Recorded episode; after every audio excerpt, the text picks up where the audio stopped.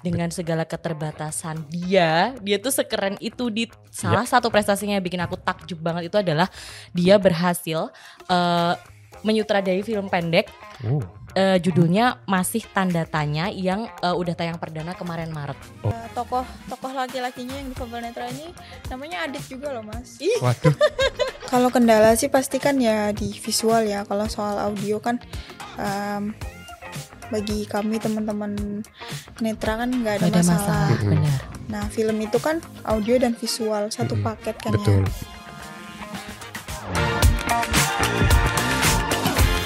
Hai kawan UGM, kita Halo. jumpa lagi di UGM Podcast. Eh, Dit, di episode kita kali ini kita tuh kedatangan kawan UGM yang keren banget. Yes, ya podcast UGM tuh nggak pernah berhenti untuk menghadirkan sosok-sosok inspiratif UGM dan Mm-hmm. mereka yang berprestasi tentunya dengan materi-materi yang berbobot. Pak. Seperti kawan UGM yang udah hadir di studio podcast kita hari ini, ya Yes. kan? Mm-mm. Eh, tadi pas aku bukan tadi sih sebenarnya kemarin sih waktu aku Hmm. dikasih kayak narasinya Hmm. tentang dia tuh siapa gitu tuh Mm-mm. sumpah nggak berhenti berhenti ngomong keren Yes. karena dengan segala keterbatasan dia dia tuh sekeren itu di salah satu prestasinya yang bikin aku takjub banget itu adalah dia berhasil eh, menyutradari film pendek Oh. eh, judulnya masih tanda tanya yang eh, udah tayang perdana kemarin Maret Oh ya dan kayaknya itu udah diputer di komunitas-komunitas yang ada di Jogja mungkin ya. Kayaknya, kayaknya ya. di seluruh Indonesia, Seluruh deh Indonesia malah Dan kabarnya juga Mbak, kemarin juga aku dapat info Hmm. salah satu narasumber kita ini ini pernah menjuarai lomba catur sama lomba golbol namanya. Mm. Itu salah satu olahraga yang khusus untuk ya penyandang tunanetra. Keren banget kan? Keren banget loh. Nah, Ya. eh kita kayaknya gak cukup kalau cuman ngomong keren, keren, keren, keren, keren sampai Yes. ratusan kali. Kita hadirkan langsung di studio podcast UGM salah seorang yang kita sebutkan tadi keren sekali sudah hadir di studio podcast ada Aulia Rahmi Kurnia. Halo Aulia. Halo mbak, halo mas. Iya. Aulia dari. Sastra Indonesia. Iya, Sastra Angkatan? Indonesia, angkatan 2022. Sama loh Oh, kita. Tapi baik. kerenan kamu jauh. Kalau Angkatannya juga jauh. makasih. Iya sih. Oke, Oke. tapi memang keren banget. Aku pengen tahu lebih jauh tentang prestasi Aulia boleh ya? Boleh, Boleh. banget. Kalau Tapi sebelumnya Mm-mm. kayaknya aku mau nanya-nanya dulu deh. Mm-mm. Kamu gimana Aulia kuliahnya? Berarti udah semester Tiga. Heeh, gimana kuliahnya? So far gimana? Maksudnya kayak apakah eh, fine di kampus? ada kendala atau iya enggak gitu? Kalau kendala sih pasti ada lah ya, tapi ya semuanya bisa dilalui. Hmm. Dengan baik. gitu Ya, dengan teman-teman dengan gimana? baik. Teman-teman juga udah mulai paham kalau salah satu temannya ada yang disabilitas, yang Hmm. Ya sedikit banyaknya perlu bantuan. Ya, teman-teman udah pada paham Iya. gitu. Eh Banyak- kamu berarti sama Yubita sekelas gak sih? Enggak, Oh enggak Oh, ya? beda ya. iya beda. Berarti teman-temannya ya suportif juga ya ke Aulia ya. Iya. Oke, dulu boleh cerita nggak first impression kamu? Alhamdulillah aku diterima di UGM. Perasaan kamu gimana? Satu Mm-mm. tahun yang lalu. eh, nggak nyangka sih. Kamu asalnya dari mana sih? Asalnya dari Jakarta. Jakarta. Iya. Dan di- Tapi dari kecil di Jakarta atau baru sekarang pas kuliah di Jogja? Em, dari kecil di Jakarta. Mm-mm. Tapi habis itu em, ke Jogja untuk sekolah di SLB gitu Hmm, Dari? dari tahun 2014. Berarti dari SD. Iya, Oh, dari dari SD ya? SD. Berarti SD, SMP, SMA lanjut kuliah tuh di Jogja terus ya? Iya. Oh, gitu. dulu kalau boleh tahu kamu pengen kuliah di UGM kenapa sih? Dulu enggak. Oh dulu enggak. pengen tip terbesit UGM kapan? Sebenarnya eh kalau dulu tuh pengen ya sebenarnya pengen cuma kayak nggak kuat gitu keinginannya eh, untuk di Hmm. UGM tuh apa ya ya hanya sekedar buat membahagiakan orang tua gitu kan. Eh, nih eh, Aulia daftar UGM gitu kan. D- awalnya tuh dari daftar aja orang tua udah seneng banget udah dukung gitu kan.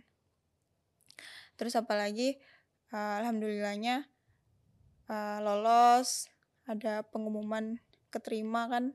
Aku waktu itu uh, ikut jalur mandiri kan utul nah terus kayak nggak nyangka banget padahal menghadapi ujiannya aja udah apa ya ibaratnya ya ini mah udah uh, pertolongan Tuhan aja lah gitu kan Nothing tulus lah ya iya oke oke tapi akhirnya alhamdulillah kamu diterima jadi mahasiswa UGM alhamdulillah ya iya wah luar biasa sekali loh Iya. ini Aulia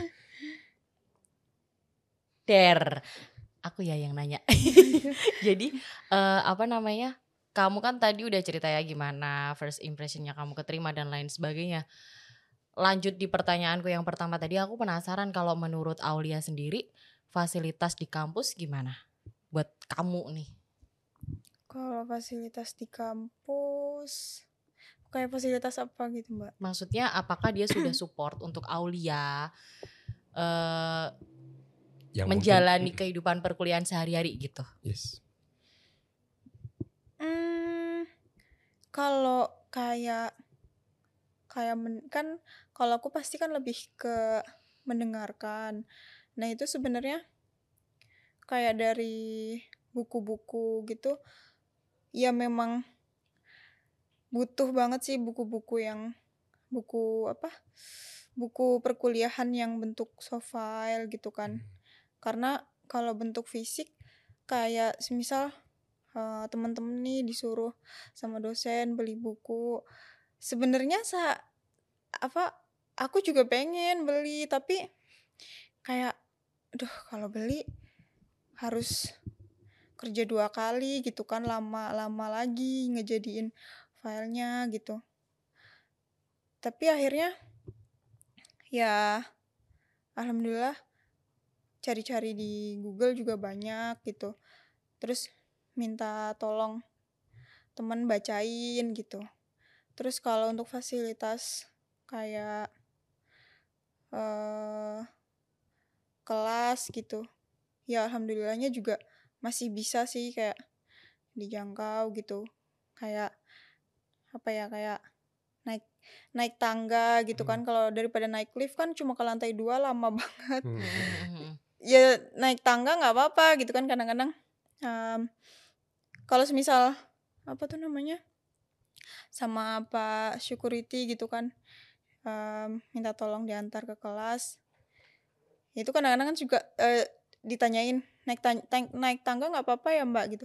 Nggak apa-apa Pak, naik tangga gitu kan. Hmm. ya maksudnya nunggu lift kan cuma ke lantai dua doang Lama. lama banget belum liftnya nanti turun dulu ke lantai bawah ke basement Iya, benar. Gitu. Tapi positifnya adalah ya orang-orang di sekitar Aulia sangat-sangatlah suportif ke Aulia gitu ya. Maksudnya Iya. siap membantu Aulia di kala mungkin Aulia kesulitan, terus siap membantu juga kalau misalnya Aulia membutuhkan gitu ya Aulia Iya. betul ya. Oke. Aulia ini kan mohon maaf mungkin di dalam keterbatasannya sekarang prestasinya luar biasa ya Mbak ya. Benar. Tapi eh apa ya? Boleh cerita nggak sih kenapa kok bisa seperti kehilangan pandangan mungkin? Itu kenapa? Aulia dulu. waktu itu masih kecil juga ya jadinya kejadiannya cepet juga kan Cu- eh, dapat cerita dari orang tua kan ya salah obat terus eh, kamu apa namanya kayak tidur terus terus habis itu kan pas setelah tiga minggu itu pas eh, membuka mata tuh ya itu eh, menyadari bahwa penglihatannya udah menurun gitu Oke, tapi ini luar biasa loh. Ini salah satu hal yang menurut saya inspiratif sekali di tengah keterbatasannya. Prestasinya itu luar biasa sekali. Iya. Golbol itu bisa dibilang kayak sepak bola berarti ya. Heeh. Itu At- kamu Hmm. kapan waktu kapan sih sebenarnya juara kayak catur, golbol Mm-mm. gitu? Kalau goalball sendiri sebenarnya dia ya kita main bola tapi pakai tangan. Sebenarnya mirip kayak volley lah ya. Kamu kamu main golbol itu dari SD, SMP atau SMA atau pas kuliah sih? Dari SMP. Oh dari SMP berarti. Iya. Kalau catur? catur ya sebenarnya barengan aja sih kayak goalball, catur tuh um, latihan dari dari dari apa ya ya kan dulu aku tinggal di asrama kan nah di asrama tuh kayak ada kegiatan olahraganya juga jadi ya ikut ikutan aja lah ikutan um, olahraga yang kamu minati gitu Hmm. ah minat nih sama golbol sama catur gitu Oh, gitu. ya udah akhirnya Oh, oh, oh. ikutan ya alhamdulillahnya dipercaya buat waktu itu pertama kali pas 2018 dipercaya buat jadi apa namanya buat jadi yang mewakili Sekolah gitu ya. teman-teman dari DIY Hmm. di nasional waktu itu di kejuaraan nasional nah alhamdulillahnya waktu itu juara tiga Oh, keren. keren, udah juara itu tiga. pertama kali sih pas 2018 itu Hmm, berarti kamu tuh eh, awal mulanya karena dari asrama itu ya. Iya. Terus mulai kenal catur, mulai kenal goalball, terus ikut kompetisi sampai Iya. nasional gitu ya. Iya. Hmm. SMP berarti. Eh tadi mana SMP lupa ya. aku. Oh ya Iya, SMP. SMP. Benar. Tapi boleh tahu nggak apa sih mimpi besar kamu yang pengen kamu wujudin sekarang atau ke depannya sih Aulia? Kalau mimpi besar yang ingin aku wujudkan ke depannya sih ya pasti lulus cepet. Waduh cepet. Amin, Amin, amin, amin, amin, Pasti ya. amin. cepet amin. Terus ya mendapat nilai terbaik Eh, dan apa ya dan ya pastinya membahagiakan orang tua dan orang-orang di sekitar. Amin. Amin. Kita amin jamaah nih sama Iya, seluruh yang semuanya dengerin ngaminin podcast. nih ya. Oh iya, tadi kan udah nanya tentang catur, tentang goalball. Aku yang penasaran tentang ini film. Mm-mm. Kamu bikin film itu berarti udah kuliah ya? Iya, Udah kuliah dalam rangka ya dalam rangka waktu itu untuk berkarya aja sih Mbak. berarti kamu sama teman-teman apa bikinnya? Sama teman-teman ada komunitas namanya teman-teman saat Adira Jasa Mm-mm. Mm-mm. Itu di luar kampus atau di dalam kampus sih? di luar kampus. Oke, terus kamu join itu. Iya, aku join itu terus eh kan eh, project dari komunitas Sat Adira Jasa itu kan eh, membuat film. Ia belajar dan membuat hasil dari belajar tersebut gitu, Mbak. Mm-mm. Mas. Kamu Nah, berberapa akhirnya- itu? Kenapa? Berberapa? Ada berapa orang di Enam. dalam tim? Oke, terus habis orang itu- dan kesemuanya difabel netra. Wow. Hmm. Sumpah. Iya. Terus ceritain dong gimana prosesnya dong. Proses apa nih, Mbak? Kamu kan kamu filmnya. yang ngedirect kan. Mm-mm. Mm-mm. Nah, berapa lama? Terus gimana cara Cara ngedirectnya? Yang main siapa gitu? Em, kalau waktu itu sih kurang lebih dua bulanan ya sama sama sampai jadi filmnya Hmm. Ah, dua bulanan dari proses pra produksi terus sampai dengan produksi sampai dengan pasca produksi itu eh, sekitar dua bulanan Hmm. gitu awalnya sih ya kan eh, gabung di komunitas itu kan udah setahunan ya waktu itu kan awal dibentuk komunitas itu kan memang dari kelas belajar sih awalnya kelas belajar film kelas belajar ya belajar menulis skenario belajar eh, apa ada ada ada belajar menyutradarai juga. Nah di situ kan kita belajar habis itu eh, bentuk bentuk komunitas. Nah di situ karena kita pernah eh, diajarkan bagaimana caranya menulis skenario bagaimana caranya menjadi sutradara. Dan pada akhirnya memang satu-satu dari kami berenam ya akan menjadi sutradara juga gitu. Karena eh, apa tuh namanya eh output dari hasil belajar itu gitu loh mbak Hmm. mas Oke, judulnya masih tanda tanya. Iya, masih tanda Ceritanya tanya. tentang apa? ceritanya tuh tentang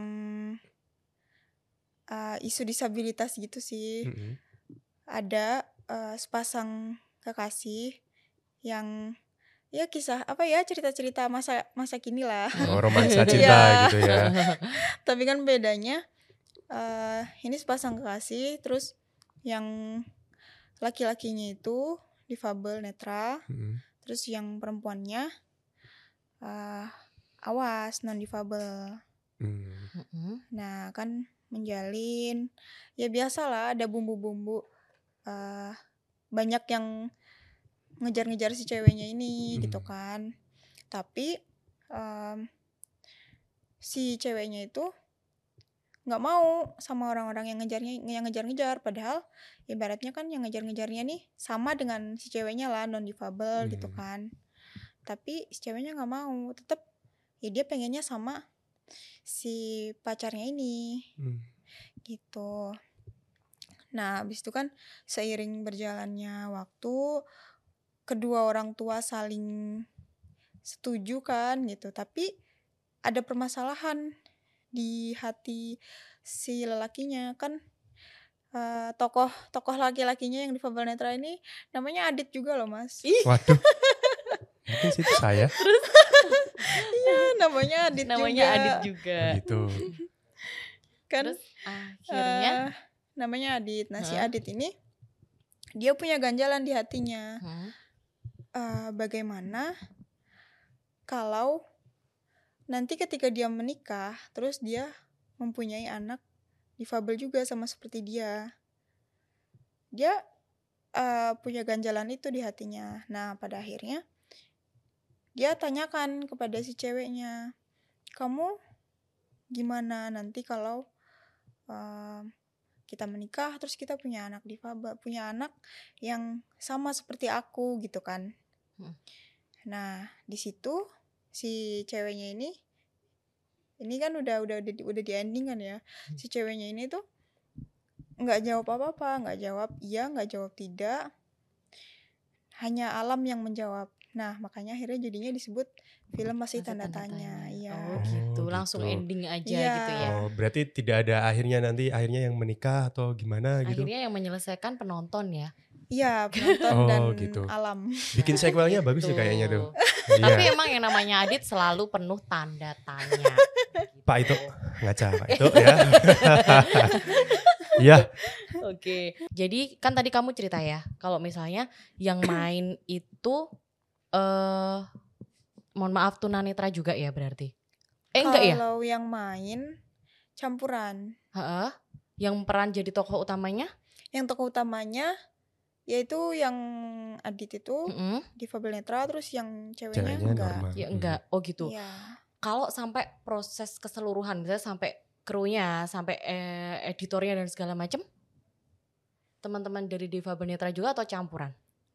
Eh, rata-rata yang jadi krunya eh, enggak non difabel Oh gitu. Berapa Hmm. Iya. orang totalnya yang bikin produksi pas Aulia yang jadi sutradara? Eh, berapa ya mbak sekitar 15-an Oh gitu. Hmm. Iya. Mm-mm. Aku sih bisa membayangkan ya, maksudnya kayak kenapa aku tuh berkali-kali ngomong keren karena kita sebenarnya yang di sini kan kita sering ya produksi kayak gitu kayak gitu gitu terus membayangkan kamu yang ngedirect terus yang main teman-temannya kayak gitu makanya kita dari tadi cuma ngomong keren keren keren keren. Kamu pas produksi film itu ini kan kalau film kan eh, apa ya sebagai penikmat kan mungkin yang kaitannya dengan visual begitu ya. Hmm. Kendala kamu selama produksi apa sih pas create film ini tuh? Mm-mm, kayak yang tadi aku tanya. Mm-mm. Kalau kendala sih pasti kan ya di visual ya. Kalau soal audio kan em, bagi kami teman-teman netra kan nggak ada, Gak ada masalah. masalah, benar. Nah film itu kan audio dan visual satu Mm-mm. paket kan ya. Betul. Mm. Nah kalau untuk visualnya eh saya waktu itu aku tuh saya lah Mm-mm. waktu itu em, apa ya dibantu sih sama sama kan kami punya mentor juga terus teman-teman kru juga kan ngebantu juga jadi waktu itu tuh kalau soal kayak penataan tempat terus em, kayak gambar gitu kan. Itu dari apa ya dari eh, koordinator dari bidangnya masing-masing itu sebelum syuting itu komunikasi dulu sama aku. Jadi semisal dari bagian kamera itu komunikasi dulu diskusi waktu itu Em, apa kayak akunya kayak eh, mengutarakan film ini tuh akan dibuat seperti apa Hmm. gambarnya akan kayak gimana. Jadi waktu itu eh, bahas scene per scene gitu. Scene per scene gitu kan. Atau adegan per adegan gitu lah ya. Adegan per adegan. Nanti gambarnya akan dibuat seperti apa di dalam kamera gitu kan. Berarti ada yang asisten terus ya iya terkait look, visual, eh, wardrobe, setting kayak gitu-gitu iya ya. Mantap. Mantap, luar biasa dan ini katanya sudah diputar di berbagai komunitas pecinta film tanah air. Ini berarti banyak banget yang sudah menikmati hasil karya dari Aulia ya. Terus ada cita-cita pengen bikin lagi nggak? Pasti dong Kita Mas- doain ya. Masih tanda tanya dua mungkin. Ya, bener. Atau mungkin Mas sudah tanda titik itu besok judulnya ya. Lucu. Karena kan sudah selesai. Ah, Adit dalam versi tidak tanda tanya. Yes, betul. eh Aulia, kamu pernah nggak sih kebayang sampai ada di titik ini? Hmm, nggak pernah sih Loh, Hmm, tapi bangga ya sama Iya. diri sendiri. Kalau orang lain aja sebangga itu, kamu juga harus bangga ya sama dirimu sendiri ya. Kamu tuh keren banget tahu. Iya, kamu Makasih, menurutku salah satu orang yang paling inspiratif di UGM loh saat ini. Kamu bisa nyiptain film, kamu prestasinya juga Di luar olahraga biasa juga banyak. cakep ya. Yes, betul. Gitu. Apalagi kamu ini sekarang semester 3 ya. Iya. Semester 3 dan ya harapannya kamu tadi mimpimu kamu bisa lulus cepet. Itu juga salah satu mimpi besar yang harus kamu wujudkan dan itu sangat luar biasa sih menurutku. Ya, makasih Mas. Ma- Eh, Mungkin ah, terakhir pesan-pesan eh, eh, dong Aulia Aulia, buat teman-teman yang dengerin podcast kita Mm-mm. supaya semangatnya nggak kalah sama kamu. betul. Kalau pesan-pesan sih kan pasti ya em, jangan berhenti untuk berkarya karena ya hidup ini ya untuk berkarya, berkarya dan berkarya terus dan berkarya itu tidak memandang kamu siapa, saya siapa dan ya kita semua sama gitu. Yes. Terima kasih banget ya Aulia. Iya. Ini insight-nya luar biasa Iya. dari Aulia. Kita sampai terhanyut gitu loh. Iya. Sampai ini mau closing tuh kita kayak jadi jadi up banget jadi kayak Iya. karena kayak jadi sadar gitu loh. Kadang-kadang Yes. tuh kita ku- kita terlalu eh, tidak bersemangat Betul. Padahal atas apa yang kita miliki. Yes, Asik. gitu. Betul sekali tapi memang ya ini bisa dicontoh juga oleh kawan UGM ya Mbak ya. Maksudnya di tengah keterbatasannya Aulia bisa create sesuatu yang spesial dan inspirasional sekali dan bisa dinikmati oleh halayak banyak. Iya, kalau Aulia aja semangat, kalian juga jangan kalah semangat. Yes, Begitu. betul sekali. Dan bagi kawan UGM pokoknya terima kasih sekali sudah menyaksikan dan mendengarkan podcast UGM untuk episode hari ini. Terima kasih juga untuk Aulia. Thank you ya Ya, buat waktunya. Eh, tetap semangat buat kamu sehat selalu. Yes, Ya, dan terima kasih juga Mbak Masnya. Sama-sama. Dan sehat selalu. Yes. Semoga lancar kuliahnya semuanya Amin. bisa lulus cepat tadi cita-citanya bisa Amin. terwujud gitu ya. Eh, eh, aku pengen tanya cita-citanya Aulia apa sih? Cita-cita pengen jadi penulis. Wah, amin. Amin. Amin. Amin. Jadi ini sebelum closing ada pertanyaan susulan pemirsa gitu.